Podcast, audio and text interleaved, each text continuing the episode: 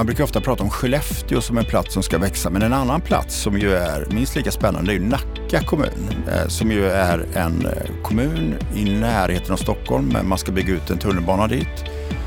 Och i löftet för att få tunnelbanan så har man lovat en massa nya bostäder. Och då tänker man så här att vi ska skapa Nacka stad. Jag tror att det som kommer hända är att man skapar ett par kvartersbildningar. Därför att det är den nya staden. Det är ett par kvarter. Det är inte ett centrum och sen en periferi. Utan vi bygger kvarter. Eh, och bygger man kvarter rätt från början som innehåller allt det vi människor vill ha, eh, då tror jag man kommer bli väldigt framgångsrik. De städer som kommer att lyckas och bli framgångsrika, de kommer inte att bestå av ett centrum och sen periferi, utan de kommer att bestå av flera fungerande kvarter. Per Schlingman, som är en av författarna till den nya boken Momentum, är väldigt tydlig när han pratar om framtiden och när han pratar om hur de kriser som vi både är i och har varit i, klimatkrisen, kriget och coronapandemin, hur de påverkar oss.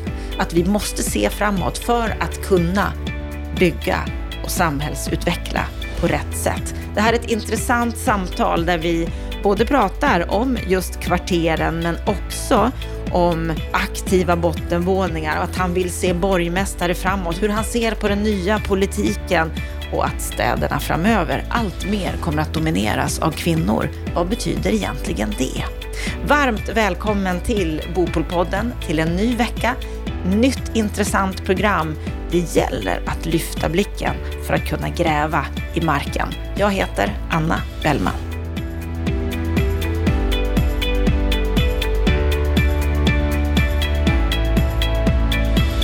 Tre högst närvarande kriser samverkar och formar ett nytt ramverk för vår värld. Kriget, klimatkrisen och pandemin. Hur påverkar de här tre kriserna det samhälle som vi lever i och som vi utformar och utvecklar? Ja, för att prata om det så har vi bjudit in en av författarna till den nya boken Momentum. Varmt välkommen till Bopolpodden Per Schlingman. Tack så mycket. Vad är din sinnesstämning idag?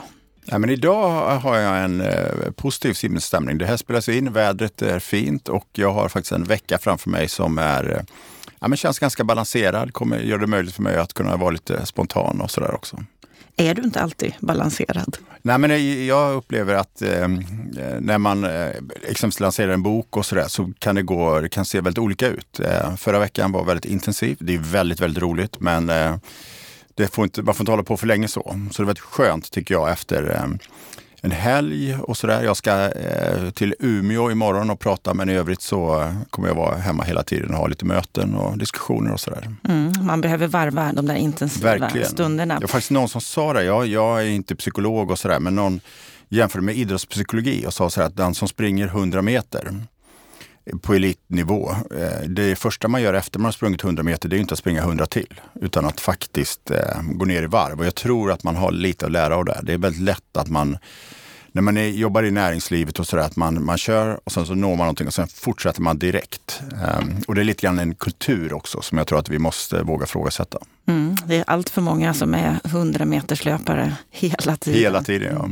Du Per, du är författare, föreläsare, rådgivare, har ett alldeles nytt uppdrag som ledamot i Apoteas styrelse. Du är också före detta vad ska man säga, statssekreterare. Ja, bland annat. Ja, chefstrateg, partisekreterare inom Moderaterna. Många känner ju dig som en av hjärnorna bakom Nya Moderaterna när mm. det begav sig för många, många år sedan. Det blev seger i valen 2006 och 2010. Och nu är det en seger igen. Vi har fått en ny regering, en ny statsminister som är moderat. Hur ser du på det här valet och vart vi befinner oss nu? Ja, nej, men det skulle man kunna prata väldigt länge om. Det är klart att jag har ju, om man tar Ulf Kristersson så har jag ju känt honom länge och arbetat länge med honom och tror att han kommer bli eh, alldeles utmärkt i den mån man kan vara i de här tuffa tider vi har. Jag tror att de kommande åren kommer väldigt mycket handla om att förmå parera en omvärld som, eh, som är ganska tuff, som ger ett land som Sverige tuffa utmaningar. Men också att förmå visa svenska folket att man gör detta eh, på ett ansvarsfullt sätt och att man också försöker involvera och inkludera. Eh, jag tycker om man tittar på själva valrörelsen, för att säga några ord, så tycker jag att den gick väldigt mycket i en stämning av att man, den handlade väldigt mycket om att överleva, parera det kortsiktiga. Eh, och det var väldigt lite diskussion om eh, vart vill vi att Sverige är på väg på längre sikt. Det var väldigt lite diskussion om eh, de här kriserna som det också nämndes som vi har skrivit en bok om. Eh, vad, hur ska vi ta oss ur dem och kanske till och med hur kan Sverige bli en vinnare i allt det här? Och, eh, exempelvis någonting som vi lägger väldigt stor vikt vid i vår bok är klimatomställningen och ser ju den som en grund för kanske en tillväxtperiod på 20-30 år. Och det är klart att här har Sverige fantastiska möjligheter. Se stora investeringar. Eh, vi har organisationer som är väldigt platta och vi kan därmed vara väldigt snabbrörliga, agila, ta oss in i det nya arbetslivet och så vidare. Så det finns ju någonstans, upplever jag, en en rätt spännande berättelse om eh, vad Sverige kan bli. Men det syntes inte i Nej, valet. och man kan ju också säga så här att, att det är klart att det är en fråga att när i ett läge med skenande elpriser, stigande inflation, eh, människor blir mer oroliga. Så det är klart att då måste man fundera på vilken öppenhet finns det hos människor att ta till sig ett budskap som handlar om att Sverige ska bli ett fantastiskt land på sikt. Eh, men jag tror ändå att det finns det.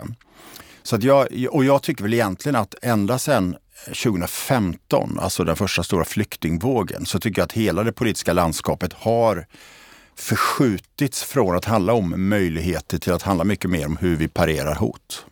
Och det här är ju intressant. Den här podden handlar ju om hur vi ska utveckla vårt samhälle och vi tror ju att grunden till väldigt, väldigt, väldigt mycket ligger i bostaden och hur vi lyckas parera många olika delar. Nu är det många som är besvikna över Tidöavtalet, att, att det inte finns någon bostadspolitik med i agendan framåt. Varför gör inte det tror du? Nej, men jag, det, jag tror att Tidöavtalet ska man nog se som ett avtal som i grund och botten handlar om att säkerställa att den här regeringen kan sitta i fyra år.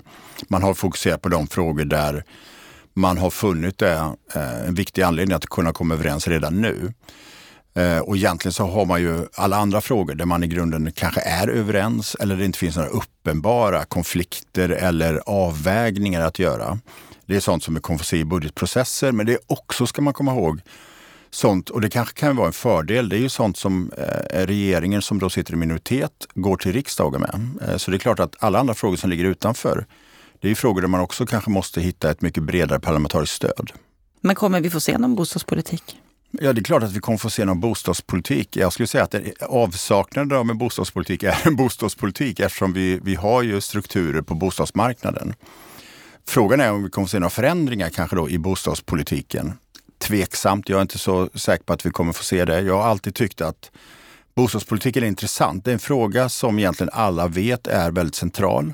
Den är central för eh, människors frihet och trygghet, men det är också en fråga som är helt central skulle jag säga, för tillväxt. För förmågan att skapa en rörlighet på arbetsmarknaden, på att attrahera människor att flytta eh, och så vidare. Men samtidigt är det så att det finns väldigt oklara konflikter. Eh, och så synes det vara. I alla politiska val jag varit eh, verksam så har det varit så att de har egentligen alltid handlat om frågor där det finns en konflikt. Eh, I frågor om bostad, välfärd och den här typen av frågor som är jätteviktiga för väljare. Och man kan tycka att de är viktiga för Sverige, men finns inga uppenbara konflikter så så det är svårt att se en dramaturgi i det. Det tror jag är utmaningen här. Och den här centrala frågan då med bostadspolitik, den är ju central i din och Kjell Nordströms mm. nya bok också, Momentum. Ni har ju ett helt kapitel som bara handlar om staden. Mm. Men innan vi går in och pratar om vad ni ser mm. framåt när det gäller stadsutveckling och så vidare, så skulle jag bara vilja backa bandet och se varför skrev ni Momentum? Så här, det var egentligen så här. Vi skrev ju en första bok som var lite, mycket, mycket tunnare som heter Corona Express som kom i december 2020. Och skälet till det var egentligen att när pandemin kom först så vi blev vi väldigt frustrerade. Eh, vi såg nämligen bara skog och inga trädtoppar och tänkte att, sådär, men nu måste vi skriva någonting om detta. Vi måste tvinga oss själva att skapa någon typ av struktur i frågan vad kommer pandemin att betyda. Så skrev vi den eh, och var ute och diskuterade den jättemycket och den gick jättebra och sådär. Eh, skapade väldigt mycket diskussion. Vi bestämde oss att skriva en uppföljare och hade i princip skrivit den här uppföljaren. Det var väldigt mycket fokus på inte minst arbetslivets förändring. Vad betyder det för arbetsliv, ledarskap? Då invaderade Putin Ukraina. Och då bestämde vi oss lite grann för att backa lite grann. Och vi tog då ett mycket, mycket bredare ansats. Vi skrev om pandemin, kriget och klimatkrisen och ställer oss frågan vad kommer det betyda? Och varför? Jo, därför att vi tror att beslut fattar man bäst om man utgår från vad man tror att världen är på väg snarare än där vi är idag. Därför att alla beslut vi människor fattar handlar alltid om framtiden. Och vi tycker också att det är alldeles för lite diskussion om framtiden. Och skälet till det är väl rimligen att framtiden är så osäker så att det enda man vet om man gör det, det är att man någonstans kommer få fel. Mm. Och varför vågar ni då skriva den här boken? Om ja, det kan man ju fråga sig varför vi, vi eh, antar den här kamikaze-rollen. Men jag tror att, att skälet till det är att vi är extremt nyfikna. Skälet är också lite grann tror jag att, att jag och Kjell, i alla fall för varandra, så har vi varit lite grann en lyckoträff. Jag har en bakgrund inom politik. Jag är väldigt ganska så nationellt orienterad. Vad händer i Sverige? Samhällsorienterad. Jag är väldigt orienterad på kommunikation och konsumentbeteende och den typen av frågor. Medan Kjell har ett mycket mer vetenskapligt perspektiv. Har forskat i globala företag och ett mycket mer globalt perspektiv. Så att när vi diskuterar olika frågor så har vi väldigt roligt och vi tar ofta så en enskildhet och så funderar vi på vad är det här en symbol för? Och jag tror att, att de här roliga diskussionerna, vi har ju också gjort en podd i några avsnitt och den ska vi eh, göra med fler av. Så jag tror att lite grann är det också någonting, eftersom vi tycker det är lustfyllt och roligt och det finns uppenbarligen någon liten publik någonstans. Ehm, ja, därför gör vi det. Det jag tänker på när jag, när jag läser den här boken det är att ni börjar att berätta att otrygghet och rädsla sprider sig snabbare mm. än på länge. Och då säger ni bland annat så här att i kampen mellan hopp och rädsla så har rädslan flyttat fram sina mm. positioner. Det är, lite är det verkligen så? Ja, men det, ja, det, det, får ju, det är vår bild att det är så. Eh, det är lite grann det jag menar egentligen om vi ser utvecklingen från 2015 och framåt. Vi nämnde de här tre kriserna, men till det kan man lämna, liksom lägga ytterligare några saker. Det ena är ju att vi såklart har en fortsatt teknologisk utveckling på olika sätt. Och det andra är polariseringen eh, som vi säkert kommer tillbaka till när det gäller inte minst bostäder och, och sådär. Men det tredje då, det är ju den här rädslan. Eh, och vi brukar prata ganska mycket om den eh, och vi kallar det för den flytande rädslan, nämligen att, att det, folk upplever sin samtid som mer otrygg än vad man gjorde tidigare. Men man upplever också det mer flytande. Vi vet att vi ska vara rädda för någonting, men inte för vad. Och det betyder ju att kraven på eh, att vara medborgare förändras. Man måste bli bättre och bättre på att parera saker och ting som händer. Vi vet inte vad, om det är pandemier, finanskriser, eh, vad det kan vara. Men det påverkar också hur vi ser på politiskt ledarskap och så vidare. Så förmågan att hantera osäkerhet blir viktigare. Och det här var ju också en av de stora valfrågorna när det gäller osäkerheten, otryggheten som vi upplever mm. i våra bostadsområden. Mm, ju, vi har ju många absolut. utsatta områden mm. som ju verkligen upplevs som mm. otrygga. Kommer det här att kunna minska? Kommer vår otrygghet att kunna minska? Jag tror definitivt att otryggheten i någon typ av faktisk mening kommer att kunna minska. Eh, sen är frågan om upplevelsen av otrygghet kommer att minska. Vi, vi skriver inte om det här, men vi har skojat och pratat ganska mycket om det här begreppet sanningen. Alltså vem, vem äger rätt? Eh, vem definierar idag eh, hur tryggt respektive otryggt det är? Eh, och det är välkänt, sådär, det vet vi från forskning, att, att de, som, de där sannolikheten att utsättas för brott är minst äldre, det är de som är mest oroliga. Och de där risken för att utsättas för brott är som högst unga män, de är som minst oroliga. Så det är både en fråga om perception och den faktiska utvecklingen. Jag skulle vilja säga så här att jag tror det som är helt avgörande svaret på frågan, om vi kan vända det här, handlar i grund och botten om det vi kallar för polarisering. Vi har ett samhälle där vi som glids, glider isär allt mer. Vi trycker tillbaka medelklassen. Eh, innan pandemin kunde vi säga att alla får det lite bättre, men några får det våldsamt mycket bättre. Vi ser eh, större och större skillnad mellan stad och land i framtidshopp. Eh, så det är klart att i den mån man känner sig del av samhället, i den mån man känner att samhällsutvecklingen ger mig möjligheter. Eh, och ju färre som känner det, desto mer riskerar såklart otryggheten att, att spridas. Låter som att det handlar mycket om ledarskap. Ah, det handlar om ledarskap eh, såklart, men det handlar också om ekonomiska strukturer. Alltså jag skulle säga att, att eh, eh i västvärlden, om vi tittar på det som är tydligast, så verkar det inte spela någon roll om vi har en blå regeringar, röda regeringar. Klyftorna synes öka överallt. Eh, I länder som USA och Frankrike det är ju alldeles uppenbart. Tittar man på det franska politiska systemet så är det extremt intressant. Bara när jag var aktiv så fanns det så kallade vanliga politiska partier. Idag är konflikten mellan Le Pen, eh, och Macron. Alltså mellan ett främlingsfientligt parti och ett parti som är helt nystartat, som är någon typ av socialliberalt eh, parti. De gamla partierna finns inte. Och det är klart att det här säger någonting att människor inte bara röstar olika utan människor lever i olika verkligheter. Vi har helt olika syn på samhället. Är det tryggt? Är det inte tryggt? Har vi massinvandring? Har vi inte massinvandring? Och så vidare och så vidare. Eh, Trump, eh, Clinton, precis samma sak. Så det är klart att klarar vi av att eh, mota polariseringen, då kommer vi också, tror jag, klara av att trycka tillbaka otryggheten. Kommer vi klara av det? Det är klart att vi måste göra det. Mycket av det bygger ju på, om man ska vara lite teoretisk sådär, att, att vi har ju alltid nationen som någon typ av utgångspunkt. Kan vi hålla ihop Sverige? Finns det en berättelse som eh, alla kan köpa i Sverige? Och vi brukar ju prata om att, att i Sverige så har vi mindre och mindre och mindre grejer vi kan prata om därför att vi blir mer och mer olika. Till slut är det bara Zlatan, idrott och eh, eh, liksom, vad heter det, Melodifestivalen. Men å andra sidan så kan man säga, om man inte minst om man ser unga människor, att de hittar andra typer av trygghet, av nätverk, av kollektiv Eh, där de eh, samverkar och blir en del identitetsmässigt. Så att det är också en mer grundläggande förändring tror jag. Jag tror ju att städer spelar en extremt viktig roll i eh, identitetsskapande. Det är också så att det är mycket enklare att bli stockholmare, göteborgare, Parisbo eh, än att bli en del av samhället Sverige eller Frankrike. Eh, så det är frågan också vad som skapar identitet och sammanhållning och så vidare. Så att eh, men, men jag är i grunden hoppfull och vi skriver till och med i vår bok det här att vi definierar oss själva som oroliga optimister. Och det kanske, kanske är den viktigaste slutsatsen av dem alla, att i en väldigt otrygg tid så måste man själv bestämma sig för hur ser vi på samtiden och framtiden? Vad har vi för förhållningssätt? Är vi otrygga? Är vi i liksom ett överlevnadsmode där allt handlar bara om att överleva? Eller sätter vi oss själva i förarsätet och tror att vi kan påverka? Eh, och jag tror att, och det är en helt annan sida av att vi lever i en tid med mycket kriser. Alltså kriser är ju också eh, tider när man kan förändra.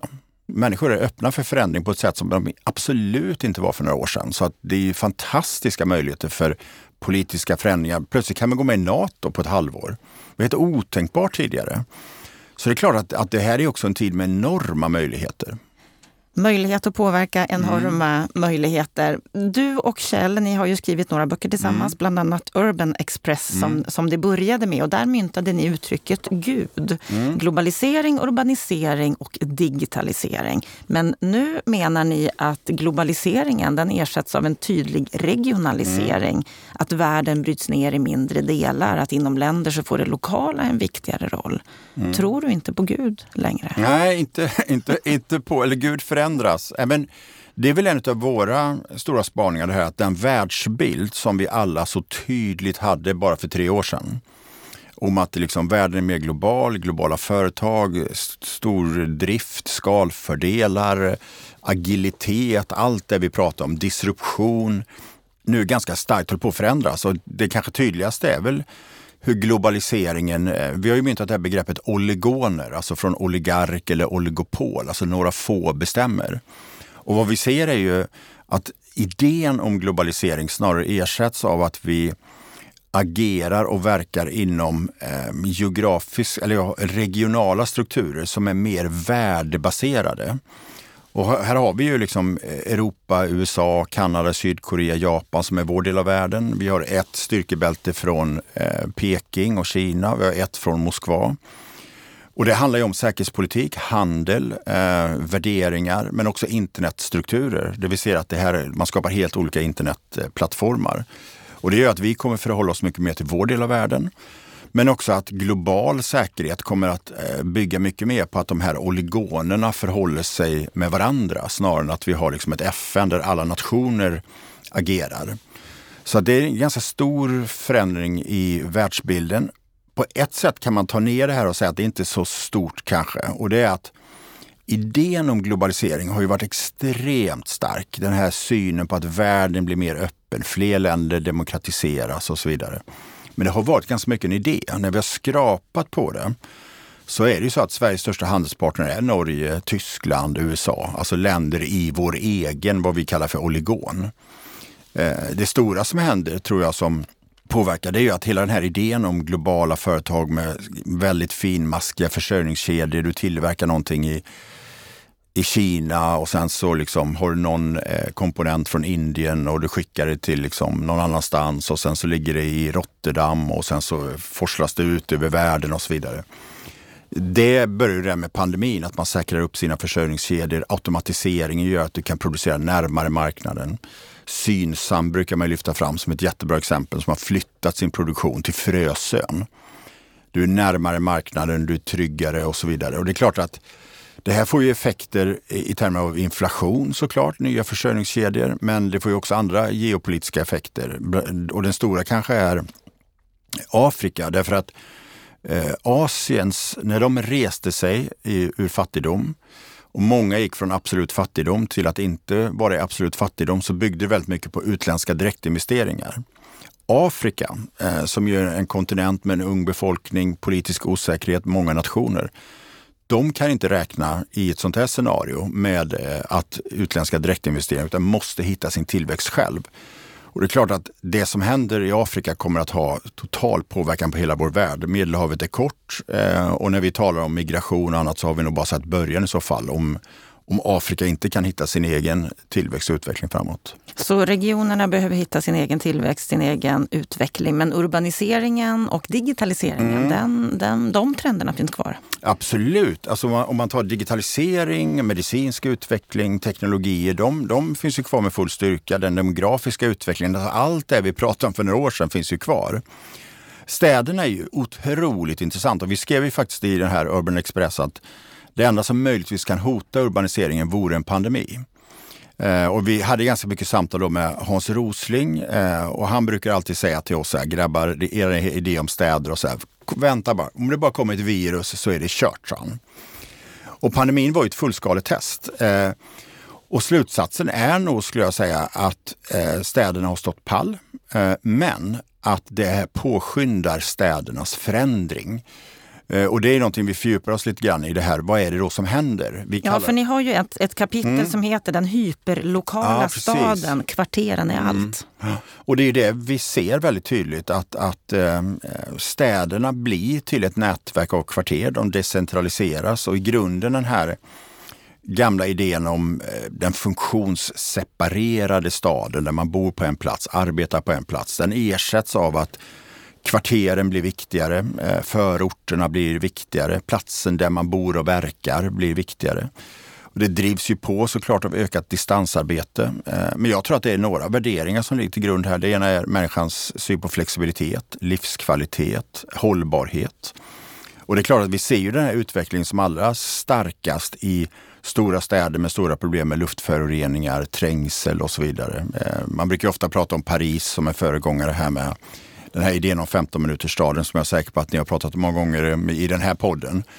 Eh, och, och, vad man ser just nu, ska jag säga, om man tittar på Sverige och, och medelstora svenska städer, så är det väl just den här diskussionen om vad händer med stadskärnan?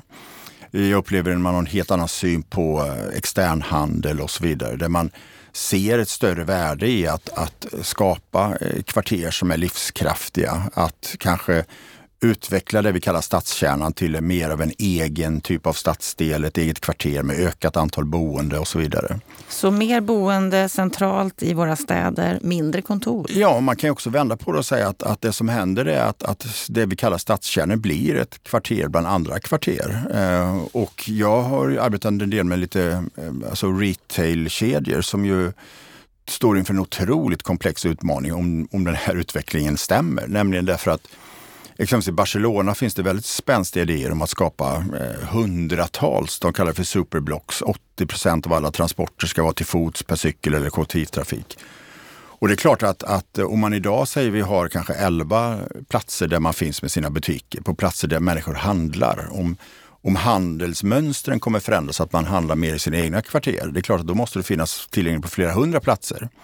Vad betyder det för retail? Eh, jag har en hel del diskussion i Sverige med delar av offentliga sektorn kring det här. Att tidigare har idén alltid varit att vi ska göra, om man bor på plats A och sjukvården på plats B, så måste vi göra det snabbare och snabbare och snabbare, ta oss från A till B.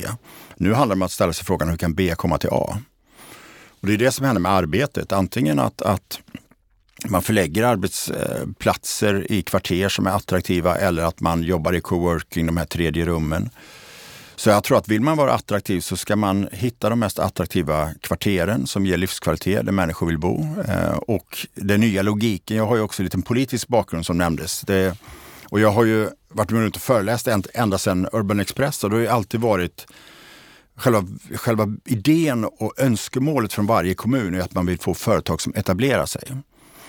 Eh, och det kommer man ju fortsätta vilja. Eh, men det som också är viktigt idag för städer, det är att de är attraktiva för arbete. Coworking, kaféer, allt vad det kan vara. Att de bjuder in till arbete. Lockar människor. Lockar människor. Och jag brukar alltid tänka på det nu när jag åker runt eh, och besöker olika platser och sådär. Känner jag mig välkommen att arbeta här? Men vad betyder det här då för, för våra städer? Kommer mm. vi se städer som slås ut? Om man inte klarar av att eh, göra staden och eh, den inre delen ja, Vi har inte sett det så mycket i Sverige faktiskt att städer slås ut utan vi ser ju en enormt skulle jag säga, positiv utveckling i, i framförallt i medelstora svenska städer. I Tyskland exempelvis har man ju haft uppenbara utmaningar med städer som minskar sin befolkning. Det är en helt egen diskussion. Eh, det är bland det svåraste som finns. Man ska egentligen försöka slå ihjäl delar av stan för att andra ska vara livskraftigt, det som är kvar. Nej, men det tror jag inte, utan jag tror att, att vi, jag brukar tänka på det att, att eh, staden, den bästa platsen för kvinnor, finns ju vad som helst. Och här tror jag att, och det är väl en annan spaning, eh, att vi har ett ganska svagt eh, urbant eller ledarskap i våra städer idag. Och jag har ju länge eh, efterfrågat att vi borde ha mer av en borgmästarroll i svenska städer. Och hur skulle den fungera? Ja, hur den skulle fungera, det får man ju utreda och jag vet ju att det har funnits i sådana här demokratiutredningar så har det funnits en stark vilja att gå den här vägen, men varje gång har det fallerat därför att det är för systemfrämmande.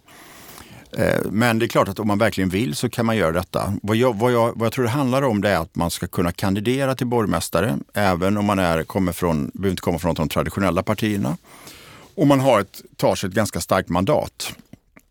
Eh, och det här tror jag Sverige skulle må ganska bra av. Man kan ju också använda det inom ramen för partisystemet. Men vad skulle det kunna göra som inte, som inte kommunerna klarar idag? Det handlar om det kommunala ledarskapet. Det är inte vad kommunerna kan göra utan jag tror att det handlar om att våga ha ett ledarskap som vill någonting med staden. Eh, det tror jag är väldigt centralt. Som aktivt, som är mycket mer praktiskt, som lockar investeringar, som lockar människor att bo, som lyfter fram det som är staden och platsens unikitet. Nu bor ju inte jag i London, men det var ju ganska uppenbart tycker jag att när Boris Johnson var borgmästare i London så var han eh, väldigt mycket bättre, tror jag många tyckte, än när han var eh, premiärminister. Eh, därför att, att eh, vi skulle behöva ett tydligare, mer personifierat ledarskap där man också är lite mer kreativ. För att det är klart att i en förlängning så kommer ju städerna behöva konkurrera med varandra mycket mer. Om, eh, om liksom investeringar, och sen har vi det vi inte har pratat om så mycket om, det är ju hela det här med klusterbildningar, med förmågan att eh, skapa kluster där man samlar såväl kapital som pengar som företag. Jag är ju eh, född och uppvuxen i Borås eh, som ju har en väldigt positiv och intressant utveckling där man verkligen lyckas skapa kluster och kopplar ihop talanger, kapital, högre utbildning och så vidare och är nu på väg att koppla ihop eh, Chalmers med eh, Textilhögskolan och sådär för att titta på smarta textilier där man gifter ihop tech och i det här fallet design. Eh, så det är klart att små städer eh, kan ju husera mycket färre kluster än stora. Så det är det här som är risken för mindre städer. Att går man fel, då kan det bli fel. Och en trend som ni tar upp när det gäller just städernas uppbyggnad och framfört och mm. sådär. ni, ni pratar ju om tio olika trender. Mm. Bland annat det här med talang, mm. att göra sig attraktiv och att ha naturen till stan och att se till att, att man har de här kvartersidéerna mm. och så vidare. Men det, den sista trenden det är att städerna blir girl wills. Mm. Vad menar ni med det? Nej, men vi, det var ju någonting som vi började titta på redan i den här boken Urban Express, nämligen att vi ser en ganska tydlig feminisering. Och det ser vi på många olika håll. Eh, eh dels så ser vi att kvinnor helt dominerar utbildningsväsendet. Kvinnor lever längre än män, alltså ärver kvinnor mycket mer eh, familjers förmögenheter. Vi ser det i många länder, här är inte Sverige lika långt, men i, i USA finns det över 50 städer där unga kvinnor tjänar mer än unga män. Eh, det är också uppenbart så att, att tittar vi på inflyttning så har vi ofta en högre grad av inflyttning av högutbildade. från landsbygd till städer. Och att städer är mycket mer öppna i sina sociala strukturer eh, än vad landsbygden är. Och det gör, tror vi, att, att städerna kommer allt mer domineras av kvinnor. Jag såg eh, ganska intressant en bild på, eh, jag tror att det var de tre personerna som skulle leda eh, den nya majoriteten i Stockholms stad, alla kvinnor.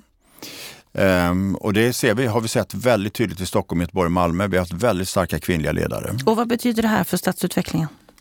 Alltså stadsutveckling, eh, där, det är ju så typiskt i Sverige att vi ofta vänder vår blick mot politiken och säger att politiken har ansvar för stadsutveckling. Och sen tittar vi på verkligheten.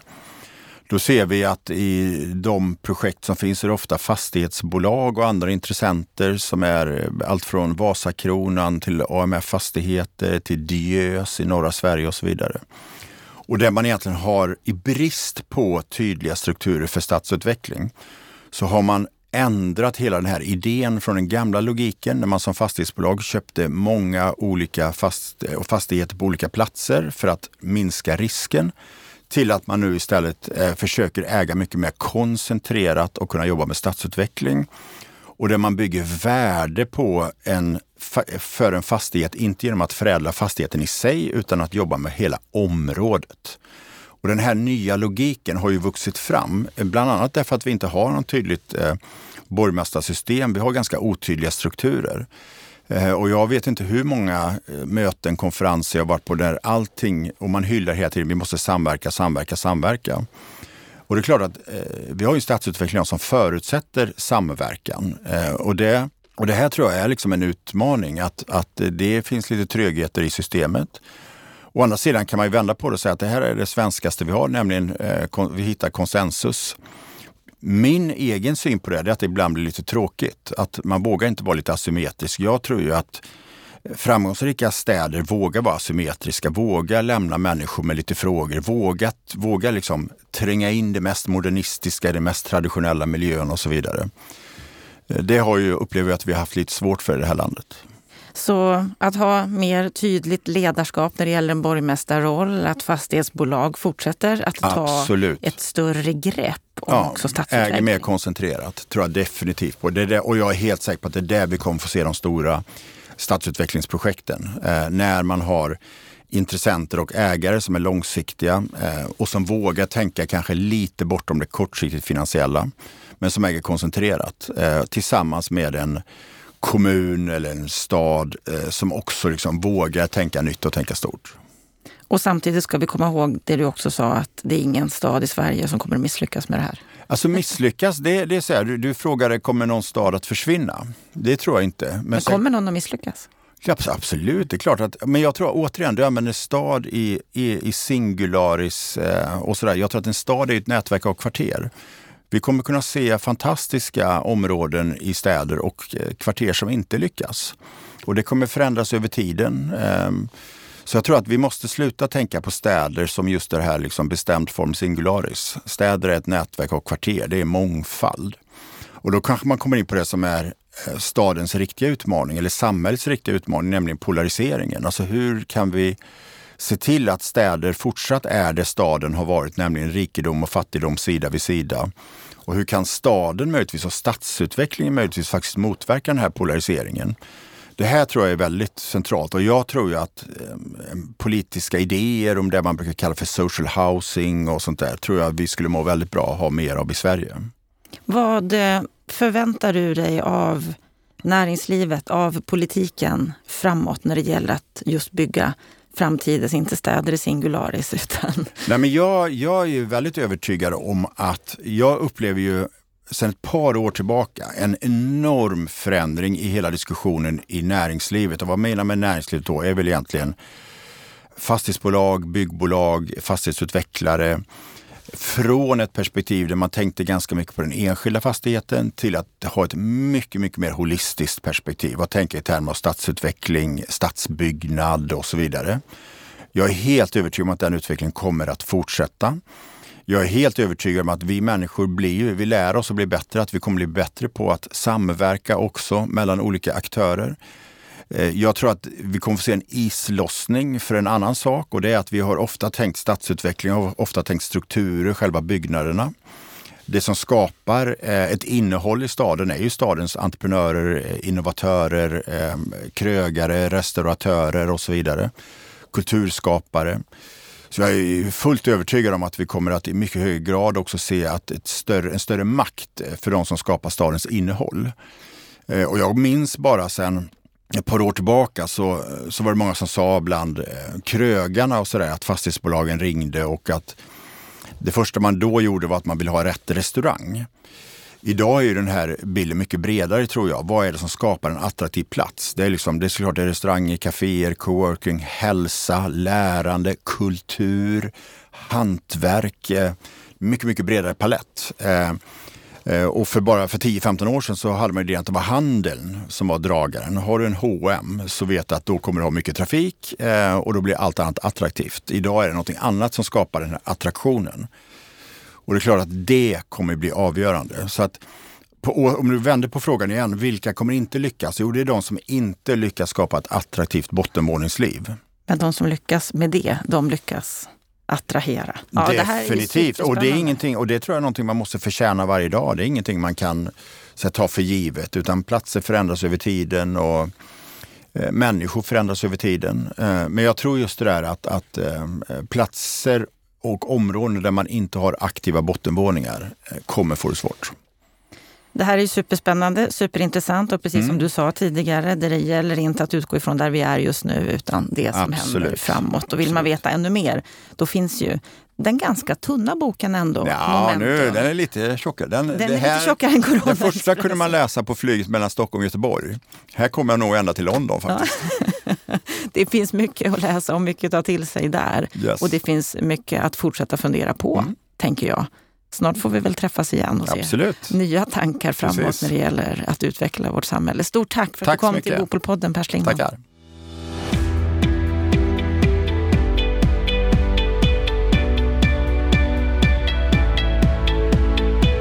Då har vi hört samtalet med Per Schlingman om att en stad består av flera olika kvarter, att det är det lokala som är viktigt framåt istället för det globala, så kommer vi se mer av det regionala. Ja, Stefan Attefall, vad säger du när, när du har hört det här samtalet med Per?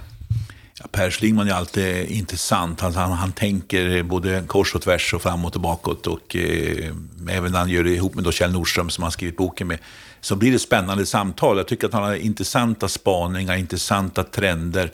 Han pratar ju mycket om eh, kris som vi upplever många gånger nu också. Men han också pekar ju på att det skapar också utrymme för förändring. Jag tänker själv på 90-talskrisen när vi hade en stor fastighetskris och, och, ekonomisk kris i Sverige med djup arbetslöshet. Så var ju också den tiden vi gjorde stora förändringar. Vi fick nytt pensionssystem, en mer fristående riksbank, vi gick med i EU. Alltså det var jättestora förändringar, skattereform och sådana saker. Så att kris skapar också momentum och det tror jag är en viktig eh, ska säga, eh, eh, lärdom att dra, både av hans samtal men också av historiska erfarenheter. Han menar ju bland annat att vi inte ska använda staden som bestämd form singularis, utan att staden det är, det är inte en central del som vi är vana vid, utan framöver så kommer städerna bestå av ett nätverk av många olika kvarter. Och att om vi utvecklar det här på rätt sätt så kan vi till och med motverka den polarisering som vi ser bara ökar. Vad säger du om hans resonemang här? Jag tycker det är spännande tankar. Jag tror att det, vi har ju alltid varit fixerade vid den här stadskärnan med torget och och där ska allting hända och så bor vi liksom utanför. Men han, han lyfter fram det här med att levande kvarter och nätverk av kvarter eh, och att staden liksom blir många städer i staden. Va? Och eh, jag tror att där har han en poäng. Jag tror att han har någonting där som inte minst de större städerna borde tänka igenom. Hur skapar vi många olika centra? Jag slogs av detta, när jag var i Chicago här bara för ett tag sedan eh, hur det, plötsligt man kommer i så här, eh, rader av olika bostadsområden, så plötsligt kommer ett centrum i den här stadsdelen som är oerhört levande, mycket restaurangliv, mycket affärer och sådana saker. Ja, så, så dör det av och så kommer man vidare till nästa så här centrum. Och vi ser det också här i Stockholm exempelvis, eh, hur det börjar leva upp olika delar av, av Stockholm, det är inte bara centrala delen. Så att eh, jag tror att det finns en, en eh, viktig poäng där och att man inte ska tro att man ska bygga en, en eh, ett centrum, eh, utan bygga just levande kvarter. Sen gäller det att göra det så att man får, så att levande kvarteren bär sig. För det finns ju risk att man tror att man ska ha välfyllda kvartersbutiker och restauranger i varenda litet hus som finns. Och det är kanske inte alltid realistiskt. Mm, han säger bland annat att städerna kommer inte att dö ut, men att de som verkligen kommer att lyckas, de kommer att ha fungerande nätverk av flera kvarter och de kommer att ha aktiva bottenvåningarna. Och han pekar ju också på att fastighetsägarna får en allt större betydelse. Att de inte bara utvecklar sina fastigheter, utan hela kvarter, när inte politiken själva tar det ansvaret. Mm. Ja, men det tror jag är en, en viktig poäng. Alltså, det finns många långsiktiga fastighetsägare som får de bara lite förutsättningar skulle de kunna bygga liksom, en liten kvartersstruktur eh, och ett nätverk som, skulle, som kan skapa mycket spännande och skapa just lite olika lösningar. Eh, vi ser en del sådana tendenser på olika ställen i Sverige. Jag kommer från Jönköping, där vi fått ny Munksjöstaden, eh, som ju en privat aktör har byggt själv kan man säga helt och hållet och sen sålt av till andra aktörer och så. Så att eh, det är självklart i samspel med kommunens planeringsavdelning. Så att jag tror att det finns en poäng i detta och jag tror att vi börjar få stora nu fastighetsägare också på olika områden. Vi har fått en, en strukturförändring i hela branschen som gör att det börjar finnas muskler också att göra sådana här saker. Så att det, jag tror det finns en spännande poäng i hans resonemang. Och just det här med att politiken inte haft så tydliga strukturer utan att fastighetsägarna har fått tagit mer ansvar. Han efterlyser borgmästare. Vad säger du om det förslaget? Jo, att han är ute efter det här mer personifierade ledarskapet där man driver en utveckling och så. I nuvarande system vi har i Sverige så blir kommunstyrelsens ordförande den här rollen. Och en färgstarka KSO, som man säger på, på vi, vi nördar säger, eh, de kan ju vara lite borgmästare. Men det är klart att de, de processas ju fram, inte på, i första hand via en slags, eh, att det blir en personvalskampanj. Men jag tror att det finns en tanke där som är god. Eh, och det kanske man skulle våga pröva på olika sätt, experimentera i någon slags författningsförändring, öppna upp för den typen av möjligheter. För jag tror att det, det finns en poäng i, och vi ser också de kommunstyrelseordförande som verkligen sticker, stiger fram och gör det under längre tid. De blir ju lite grann av borgmästare i hans tankegång i sin kommun. Eh, men det är ganska svårt i vårt det fragmentariska partistrukturlandskap att sitta mer än fyra år. Eh, det är svårt för något parti att dominera. Och sitter man fyra år så är det ofta, mer än fyra år så är det ofta via att man håller på att kompromissa med olika partier och olika konstellationer. Och det blir inte det här tydliga ledarskapet. Så att jag tror han är inne på en poäng och vi kanske ska fundera på detta. Det kanske Eh, den nya regeringen aviserar ju en ny grundlagsutredning. Kanske man ska lyfta in de här frågorna där. Ja, spännande frågor att lyfta in och en fråga som de då inte får glömma bort det är ju det vi också nämnde här i programmet, att städerna allt mer kommer att domineras av kvinnor. Han pratar om girl bills. Vad säger du om det? Mm. Nej men det är ju så alltså, jag är rent eh, allmänt mer orolig för de eh, unga, män, många unga som inte har särskilt lång utbildningsbakgrund och som på olika sätt halkar efter där tror jag vi får den stora på något sätt eh, utmaningen framöver. Tjejer tar för sig på ett helt annat sätt i skolan och därmed också skapar förutsättningar för sig själv också i arbetslivet. Och, eh, jag tror det ligger en eh, poäng i detta. Vi har några nya typer av jämställdhetsproblem framför oss. Nya typer av jämställdhetsproblem och möjligheter kanske i framtidens sammanhang, inte bara i framtidens städer. Ja, det är intressant att leva i den tid som är nu, som ju Per och Kjella Nordström menar är år noll. Tideräkningen har börjat om. Det är ett paradigmskifte häftigt att få vara med. Och tack för att du är med och lyssnar på Bopolpodden. Är det så att du vill veta mer så gå gärna in på bostadspolitik.se. Där samlar vi rapporter och krönikor och allt möjligt när det gäller artiklar och övrigt som har med just bostads och fastighetspolitik att göra. På fredag då är vi tillbaka igen med veckans Aktuellt, det senaste som har hänt under veckan. Så fram tills dess, ha det riktigt bra.